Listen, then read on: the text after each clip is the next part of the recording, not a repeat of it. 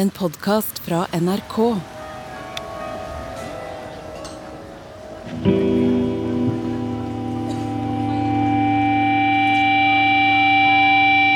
Midt i bibelbeltet ble Kvartfestivalen den perfekte stormen der alle ingredienser for at det skulle ende galt, var til stede. Det var eh, religion, Arrangerte bønnemøte for å skremme bort Manson, som ifølge flere kristne på Sørlandet spredde saken. det var utagerende festing, Alle kom jo inn på den festen! det var artister som ble arrestert, Politi tar oss etter sceneshowet! og det var sex. Et par gjennomførte i kveld samleie på scenen på Kvartfestivalen i Kristiansand. Alt på en festival som også skulle bli kongelig hoffleverandør. Uten Kvartfestivalen er det ikke godt å si hvem som hadde vært som prinsesse av Norge i dag. Hvordan var det mulig at en ny og ukjent festival kunne vokse til å bli Norges største på så kort tid?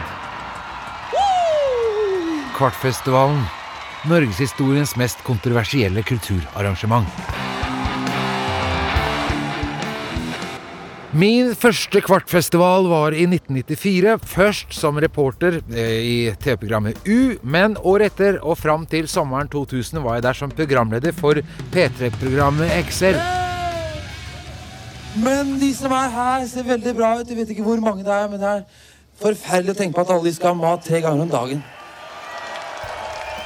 Det var som Knut Hamsun skrev om Oslo, at Kvartfestivalen ble et sted ingen forlot uten å bli merket av den.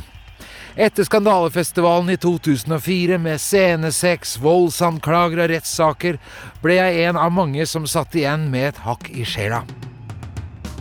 Men før vi kommer dit, og for å forstå hvordan det kunne gå så galt, må vi ta det helt fra begynnelsen.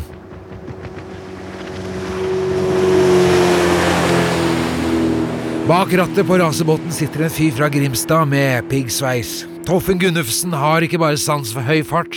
Sjefen for Norges mest omstridte festival har også sans for eh, høy musikk. Festival er jo bare deadlines. Året er 1991, og Torleif, eller Toffen Gunnufsen, har fått jobb som kulturkonsulent i Kristiansand kommune. Toffen har nylig kommet hjem etter å ha tatt eh, mastergrad i kulturformidling i England. Fikk en jobb i Hamar, husker jeg, men det var jo ikke noe båtliv der. Det var i elv der eller noe lignende. Og så og det der i Mjøsa eller noe sånt. Og så, og så fikk jeg jobb i Kristiansand, så tenkte jeg der blir jeg maks ett år. For det var, jeg tenkte herregud, der er dølt. Men der er iallfall båten. Og så var det ikke så ille likevel. Men uh, Toffen hadde flere interesser enn båt. Jeg har alltid vært interessert i musikk og alltid vært interessert i å lage arrangementer og sånn, men uh, det var litt tilfeldig. Vi snakka sammen med en kamerat i å lage en festival, og da var vi på Kalvøya på midten av 80-tallet så jeg og så om det var U2 eller Neil Young og sånn. sånt. Syntes vi at det var, det var en bra festival, men litt halvdøll likevel. Det- Ja. Vi må gjøre noe, lage en festival en gang. Og så kom jo mulighetene seg når jeg fikk jobb i Kristiansand kommune med det i byjubileet. Så det ble hevet inn i det da, men jeg hadde jo ikke noe sånn snøring egentlig. Men det bare, vi måtte jo hive oss ut i det da. like a bird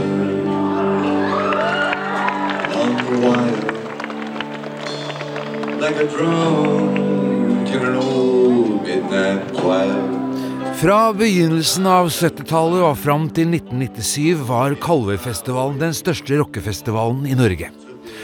Hvert år dro jeg og vennene mine og 20 000 andre til den vesle øya i Bærum for å ligge på gress og kikke på verdensstjerner som Leonard Cohen, Nirvana, U2, a-ha, Van Morrison, Frank Zappa og Bob Dylan, mens vi kjente på eimen av Woodstock. Det fantes andre festivaler som forsøkte å kopiere suksessen, men Toffen var ikke ute etter å lage en kopi. Han ville heller lage noe nytt, og i 1991, da byen Kristiansand får ny ordfører fra Høyre etter mange år med Kristelig Folkeparti, øyner han en mulighet. Og da fikk vi lov å tenke ah, det her må vi gjøre noe for ungdom, og da fikk vi i oppdrag å lage en ny festival. da, Og finansierte kommunen.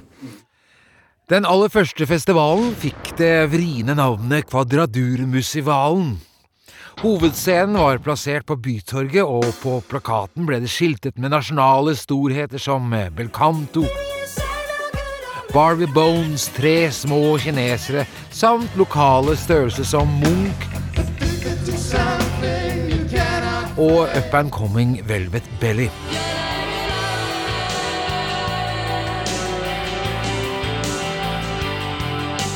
Arrangementet var et samarbeid mellom Kristiansand kommune, rockeklubben og Agder Teater. Det ble lagt ut 1000 billetter, og i mangel av noe annet ble festivalområdet inngjerdet med europaller. Dette gjorde at det ikke var nødvendig å kjøpe billett for å se konsertene. Så, så det arrangementet gikk greit, men det var mindre folk inne enn det var på utsida. Men alle klubbene gikk greit. Og på det tidspunktet altså, var mye folk da. Og det var det mye, det var Equinox og Lars Lillo Steinberg og mye kjente folk der på den programmet. Og det var eh, vår venn Harald Hempel som programmerte det programmet. Harald Hempel, som Toffen refererer til, var eh, gitarist i det lokale rockebandet Munch. Vi hadde ikke noen spesielle ambisjoner om å begynne å bygge opp en svær festival. Vi var musikere i første omgang. Men når vi traff Toffen Aha, her er en rocker som også er byråkrat. Ja. Så det, det var nok en veldig viktig møte. Ting har begynt å skje, men slitasjesmertene begynte ganske raskt å gjøre seg gjeldende. Siden Harald Hempel var tilknyttet rockeklubben, var han å anse både som arrangør og artist. Men eh, da konserten til Munch på Hotell Caledonien ble forsinket, måtte Harald innse at eh, nå ble det for mye. Jeg vet ikke hva som skjedde. Vi var så slitne, både Toffen og meg. og i det hele tatt direktøren på Caledon sto der og sa nå tar vi strømmen to, fordi dagen før hadde vært masse rot. Og dermed så kommer Toffen inn på scenen midt i showet og vil stoppe oss. Og jeg bare skyver han vekk. For vi hadde en backing tape, så jeg visste at når jeg er ferdig med den låta, da har jeg tid til å snakke med han kanskje et minutt. Eh, så jeg bare skyver han til å spille ferdig låta, og så går jeg bak scenen. Der er det bare Toffen. Og Toffen han er hysterisk istedenfor å forklare meg hva som har skjedd, så bare begynner han å skjelle meg ut. Eller han er bare hysterisk, jeg får ingenting ut av det. Så jeg ville egentlig gi han en ørefik for å roe han ned. Og da var jo helvete løs. Og da brøt jeg sammen og Toffen, og ja, alt ble bare kaos. Og da, det var min avgang fra Kvartfestivalen, for å si det sånn. Men det gikk Altså da, Det var krise at jeg slutta, for var, jeg var både stage manager for de fleste scenene og, og teknisk ansvarlig og bookingansvarlig og alt. Så at jeg ikke stilte opp på jobb dagen etterpå, det var, skapte masse tull for det andre. Men jeg møtte to Toffen natt til mandag, tror jeg det var, i byen. Og da ser vi bare på hverandre og gir hverandre en god klem. Det, det er noe jeg skammer meg over, egentlig. Det er ikke noe som er tøft i det hele tatt, men eh, det er jo blitt en del av legenden om, om Kvart. da, så... Midt under Kvadradurmusivalen, som eh, ikke ble noen økonomisk suksess, valgte altså bookingsjefen Harald Hempel å gå av. 1600 solgte billetter og en inntekt på 100 000 kroner var 30 000 mindre enn forventet. Men med ny ordfører Bjørg Vallevik og kultursjef Dagny Anker Gevelt i ryggen fikk de allikevel støtte til å fortsette året etter under nytt navn Kvartfestivalen.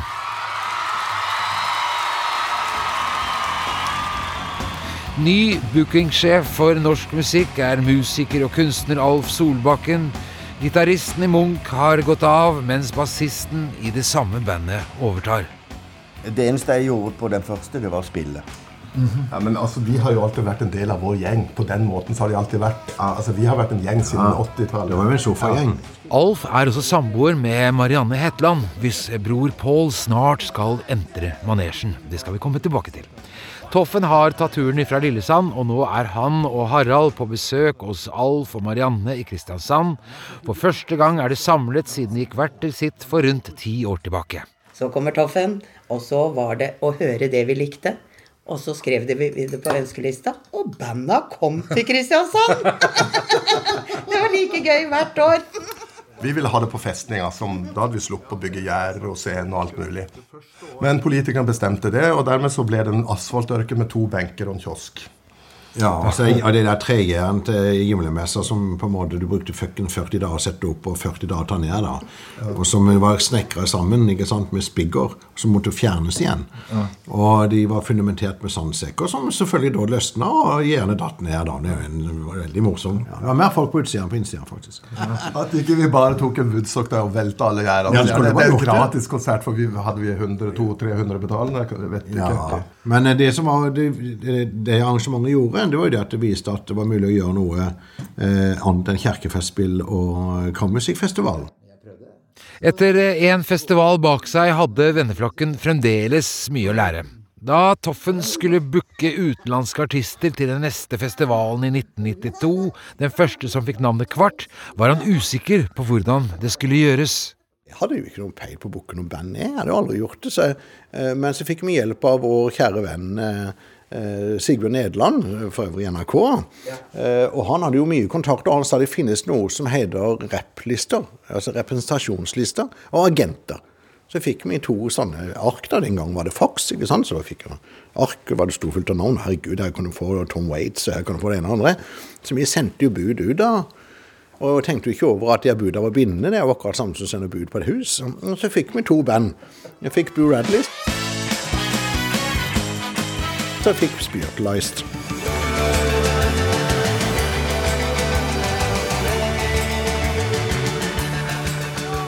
Og jeg tenkte sånn, nei, vi trenger jo ikke, vi trenger ikke det Bradleys, egentlig.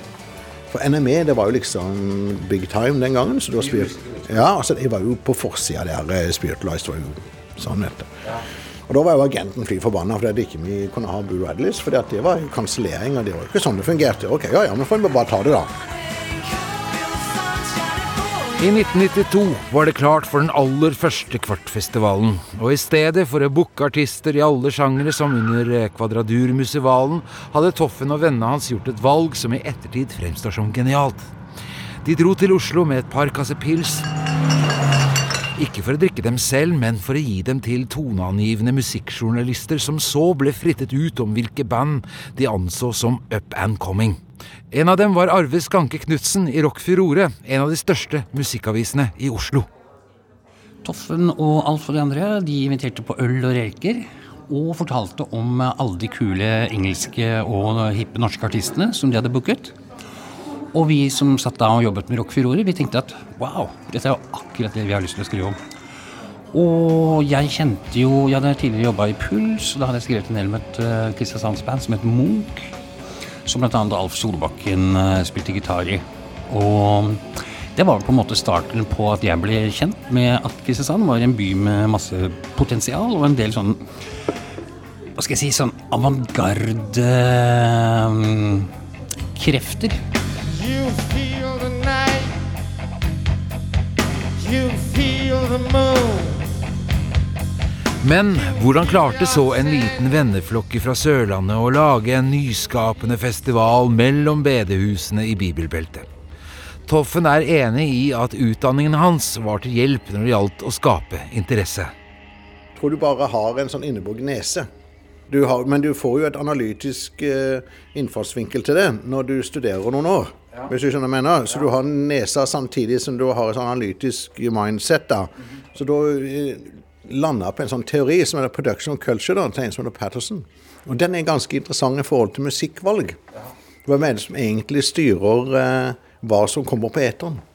Kan du gitte? Ja, det er noen gatekeepere her. Ja. Og den teorien brukte jeg når jeg begynte med å booke festivalen. Og den stemte. Hva er teorien? Teorien er at eh, La oss si du har en, eh, en radioplugger. da. Han plugger jo inn låter i radio for, eh, for å få det på on air. Men hvem er det som har den sterkeste påvirkningskraften i forhold til publikum? Og på 80-tallet var det MTV, f.eks. Og da vil alle innrette seg litt mot hva MTV vil ha. Det er clouet. Det tar ikke noe heavy metal inn på eh, MTV på den gangen. Det var jo urban eller pop, ikke sant. Så det styres litt den veien. Og derfor har noen gatekeepere eller noen portvakter mer makt enn andre. Eh, Og det er samme som en DumDum. Da blir det fullt av norsk musikk. Da blir det én format. Eh, Som Nirvana, blir Pearl Jam, blir fullt av grunge. ikke sant? Det ligger litt i denne der. Det er veldig kon konserverende greie. Eh, Det er sånn topp 40-format. At det liksom det samme liksom kjøres på igjen og igjen. Men så Derfor jeg brukte jeg den. tenkte jeg sånn, ok, Hvem er det som styrer Musikk-Norge da tilbake på 90-tallet? Jo, det var jo Mossleth, og det var liksom eh, Håkon Mossleth i Dagbladet. Eh, det var jo eh, Rock for ordet. Musikkmagasinet, ikke sant? Og så akkurat på det tidspunktet så begynte jo Dagbladet VG å ha sine egne musikkredaksjoner. da. Og der kjente vi jo folk. Ikke det at vi kunne påvirke de skulle skrive om oss, men vi var opptatt av hva de var opptatt av musikk, da. Så booka vi litt den veien, da. Allerede etter den første Kvartfestivalen hadde internasjonale aktører begynt å legge merke til at noe var i gjære i en liten søvnig sørlandsby i lille Norge. Og bak det hele sto en liten og litt forvirret venneflokk. Dette er Harald Hempel. Vi kunne ikke bygd opp Kvarten til det Toffen etter hvert gjorde. Vi hadde heller ikke de ambisjonene. Men Toffen kunne heller aldri begynt Kvarten uten oss. Teorien til eh, Toffen om å booke band etter smaken til eh, musikkjournalistene hadde vist seg å føre fram.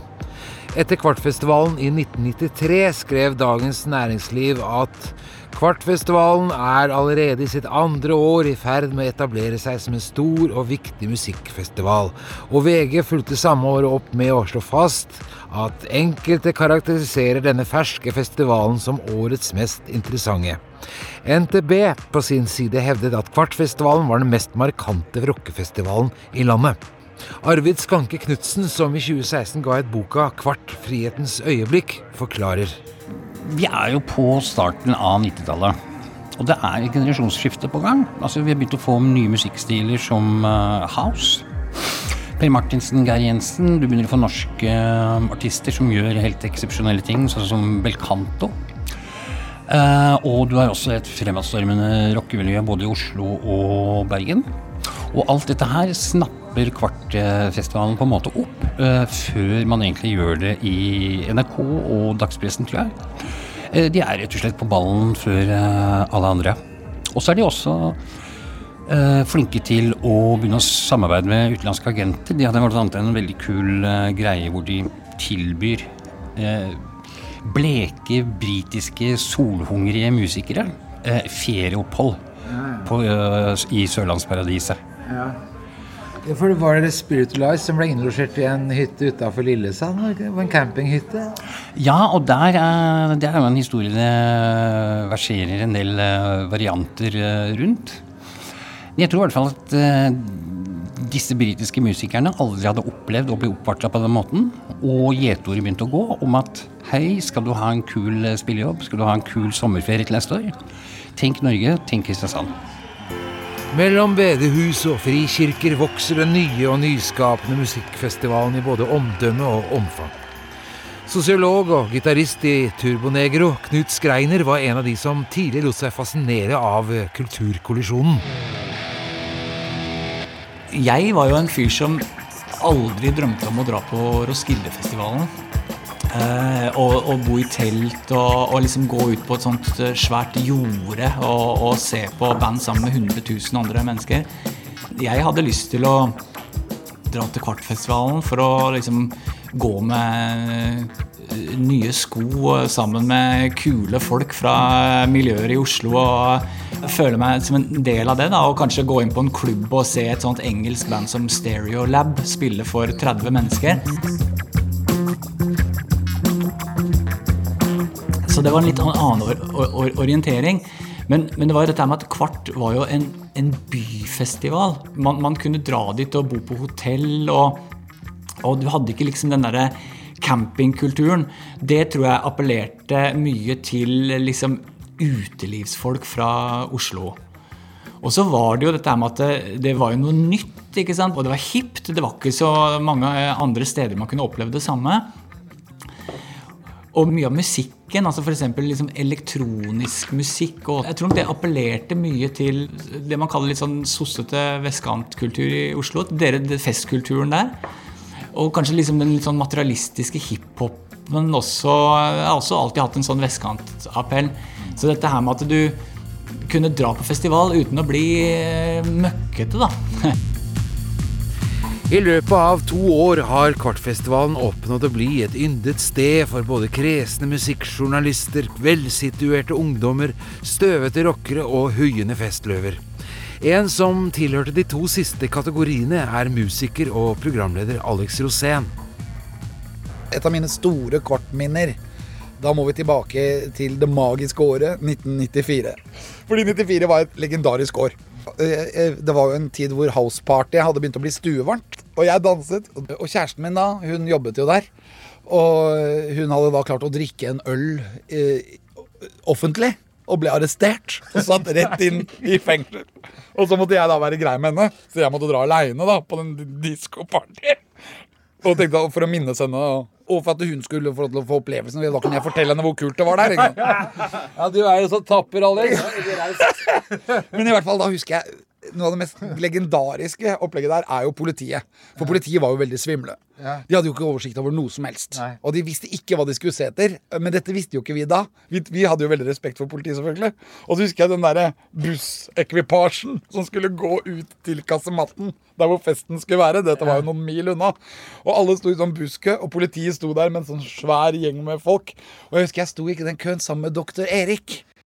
Og han var veldig glad i fest. Og jeg vet ikke, han, han var i en fantastisk form. Dette er jo Dr. Erik. Alt jeg vil, er å ha det fett. Ja. Dr. Erik. Sangen, ja. Ja, det er sangen hans. eneste jeg vil, er å ha det fett.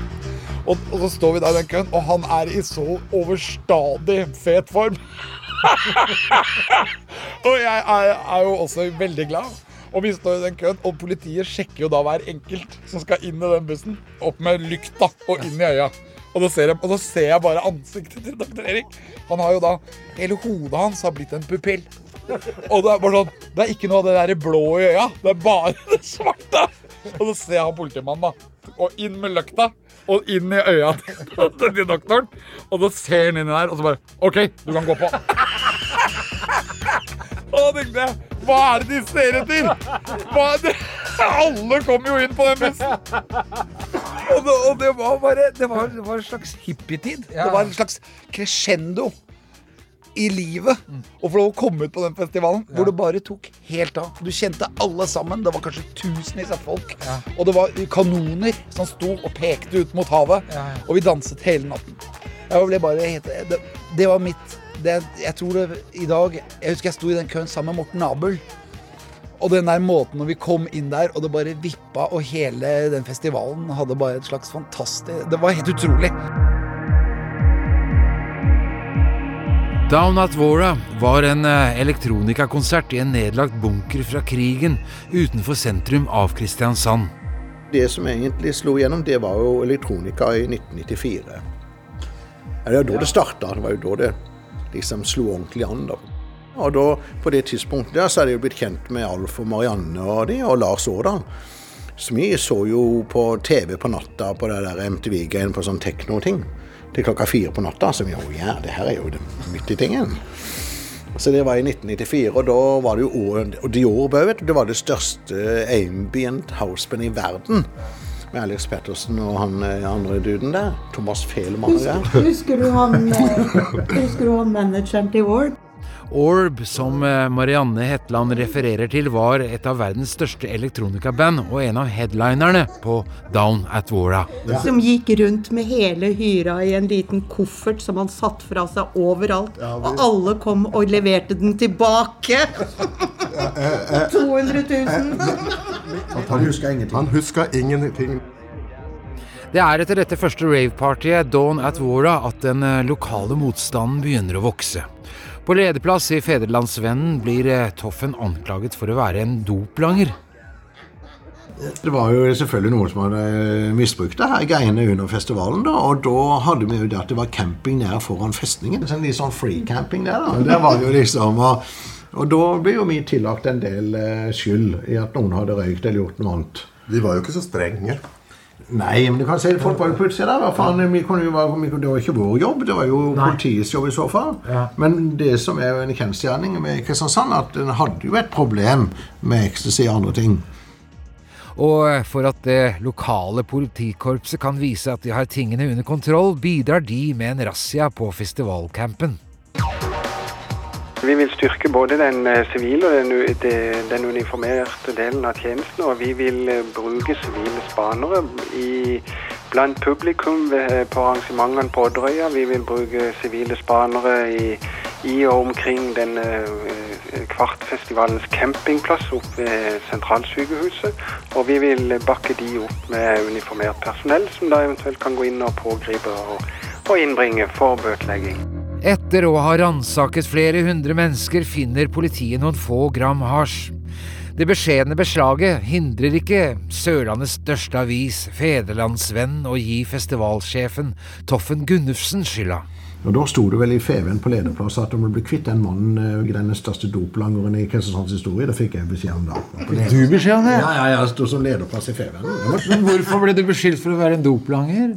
Nei, for det, det var jo selvfølgelig noen som hadde eh, misbrukt det her greiene under festivalen. da, og det fløyt jo over her om sommeren, så det var jo eh, et greit marked for noen da, å bare suse inn på den festivalen. Og mange var det som var der om dagen? 5000 om dagen eller noe sånt.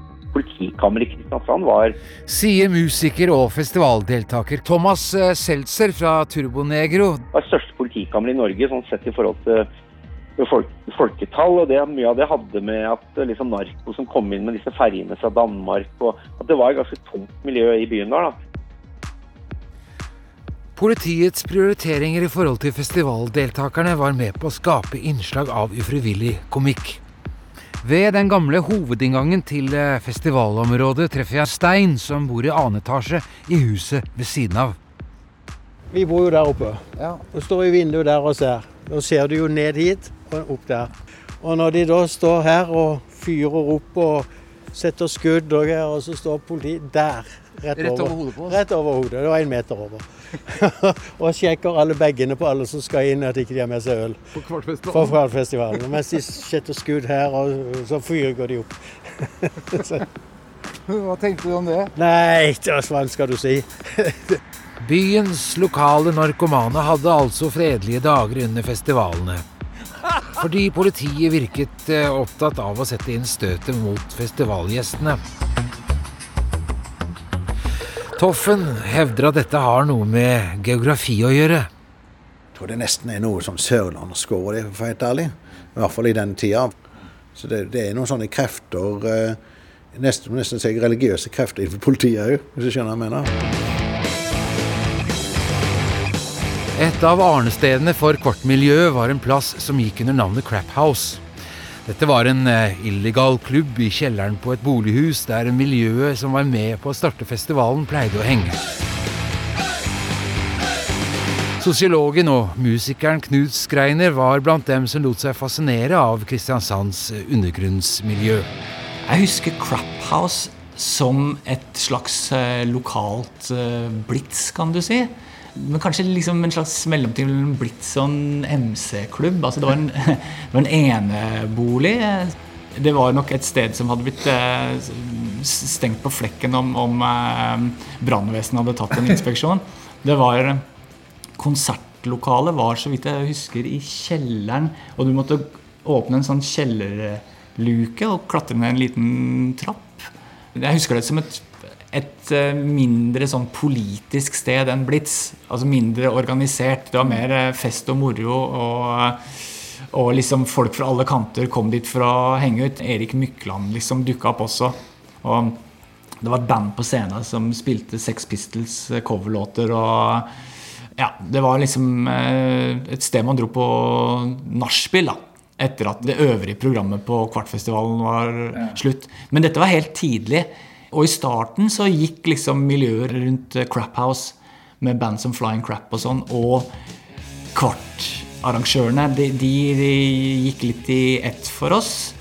Men følte vel med tiden at de Flying Crap eh, og Crap House-folka forsvant litt ut på sidelinja, mens eh, Kvart ble mer profesjonelt og større. En annen som var til stede på Crap House, var musikkjournalisten Arvid Skanke Knutsen. Crap House var jo eh, de som forsynte Kvart med en av de aller første skandalene.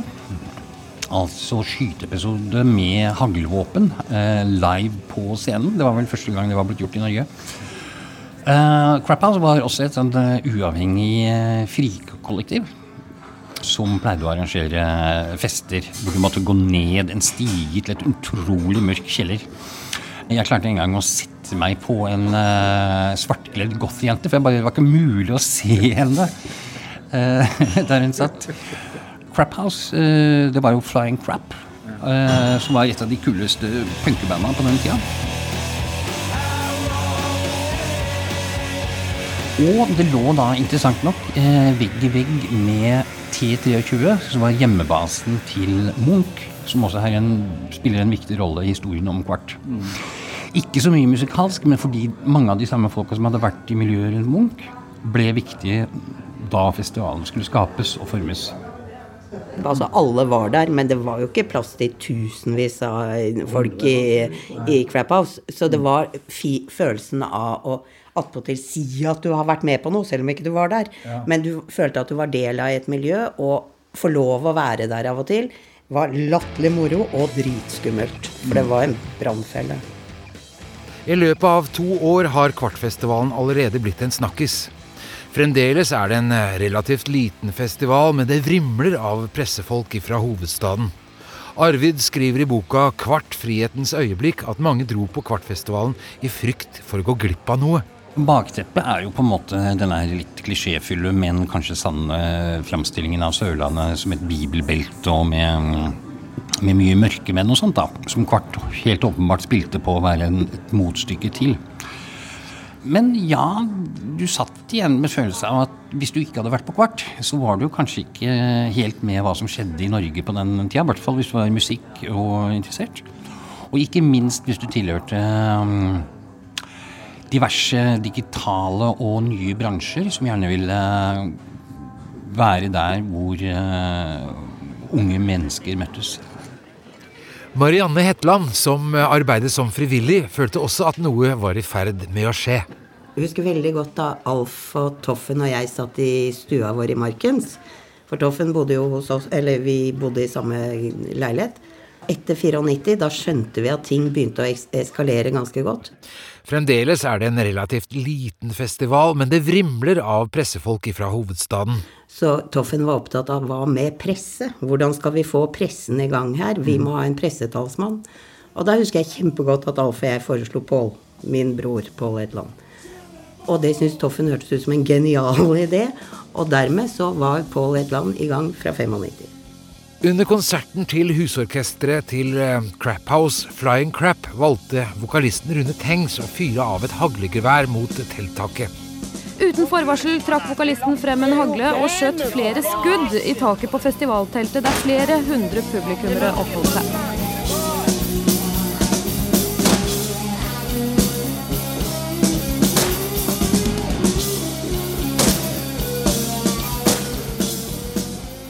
Før han ble arrestert av politiet. politiet. Politi tar oss etter sceneshowet! En av mine beste kamerater i det største bandet. Hva du har gjort? Ingenting. Nei. Du, nå må da Det er jo bandet, for er faen! action. Ja, men ikke noen som lager bråk av det. Har han gjort noe galt? Han spiller jo bare i et punkeband. Denne hendelsen ble tatt hånd om av en ny aktør som nylig har entret podiet. Og det var vel i 95 det skjedde. Det var egentlig okay. første gang jeg prøvde meg som sånn litt progressiv pressesjef. Den nyansatte pressesjefen Paul Hetland.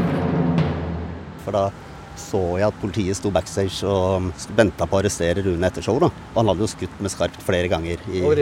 Ja, ja, på, under konserten. Og hull i telt. Og Ja, ja. telt, telteieren sto og gråt. En gammel polsk mann som sto og gråt på hull i teltene. Men da løp jeg opp til gamle ZTV, kan du huske de? En sånn lokal TV-stasjon. Ja. Med Arild Skrindo og Tor Erik Hermansen, den ene halvparten av Stargate.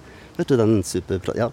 Så jeg løp opp til de og sa fra, da. Og de løp ned, og så fikk de filma akkurat idet Rune, vokalisten i Flying Crap, ble grisearrestert av politiet. Nå, men nå, Rune. Jeg er sprøtt. Men nå, Jeg er sprøtt. hva du gjør? Jeg er. Hva du har gjort? Du visste om det, du, eller? Nei, faktisk ingen av oss visste om det, men vi så jo det da han skøyt, og så så jeg bare at politiet sto bak. Så det er veldig lite vi ble oppdatert over bands planlagte sceneshow, for å si det sånn. Ja. Og de løp og fikk tak i folk som kunne filme det. For jeg tenkte det er jo god TV, da. Ja, eh, og det var vel ikke alle i byen som var enig i det, men vi internt var veldig veldig enige, for det var jo rock'n'roll. da. Så, så husker det var jeg vet, en kompis av Øyvind sikkert som sto der og sa Men kan jo faen ikke arrestere Rune, det er jo Rune, for faen. Rune. Jeg prøvde å produsere litt, men det var veldig søtt og veldig gøy. Og, og, en, og en liten trening i hvordan man kan håndtere da etter hvert nasjonalt media. Så det har vi satt oss på kartet. En av mange skandaler som Det er vel den klareste indikasjonen jeg fikk på at vi holder til på bibelbente i Jesus hjemland. For maken til gavepakninger vi fikk opp igjennom, med skandale på skandale på skandaler. Det var ikke alle vi lagde. Vi fikk de bare servert, så det var jo en velsignelse i våre øyne. da. Men til NRK Sørlandet sier Pål Hetland nøyaktig det motsatte. Politiet tok affære da vokalisten i punkbandet Flying Crap avfyrte flere haglskudd under sin festivalkonsert i sekstiden i ettermiddag. Dette her syns vi er fryktelig synd, og jeg vil beklage på vegne av hele festivalen. Dette var ikke medregnet. Eh, Dette her er en soleklar politisak, og politiet har allerede tatt affære. Og dette her er absolutt ikke vår oppfatning av festival eller rock'n'roll. Jeg fikk min debut på NRK TV. En eh, luende holdning om at eh, Kvartfestivalen ville dra til seg elementer som besteborgerlige sørlendinger ikke ville assosieres med, skulle snart få mer vann på mølla. Det ene var eh, tilreisende festivalgjester. Kvartfestivalen er liksom helt kul. Det er bare det at i Kristiansand må de få seg plastisk kirurgisk klinikk, fordi at det er faen ikke et kvinnfolk med pupper her. Og den nye festivalen hadde også fiender. Den tidligere viseordfører Harald Sødal fra Kristelig Folkeparti var en av frontfigurene til motstandsbevegelsen. Si meg, har du de samme fordommene som de fleste eh, av dine kolleger har? Hva tenker du på? Er det for, fordom å si kristne? Nei, at det, det har jo altså en, en, en um fordømmende holdning. Jeg, jeg, jeg skjønner det ikke. Nå skjønner ikke jeg hva du mener. Hvorfor kobler du kristen inn her? Plutselig ble det krig. Jeg snakker jo om musikken og om innholdet.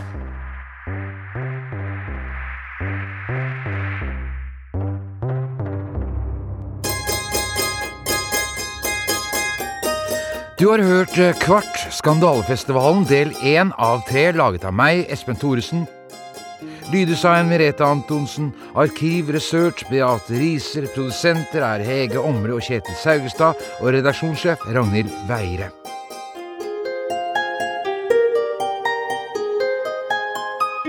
Du har hørt en podkast fra NRK. De nyeste episodene hører du først i appen NRK Radio.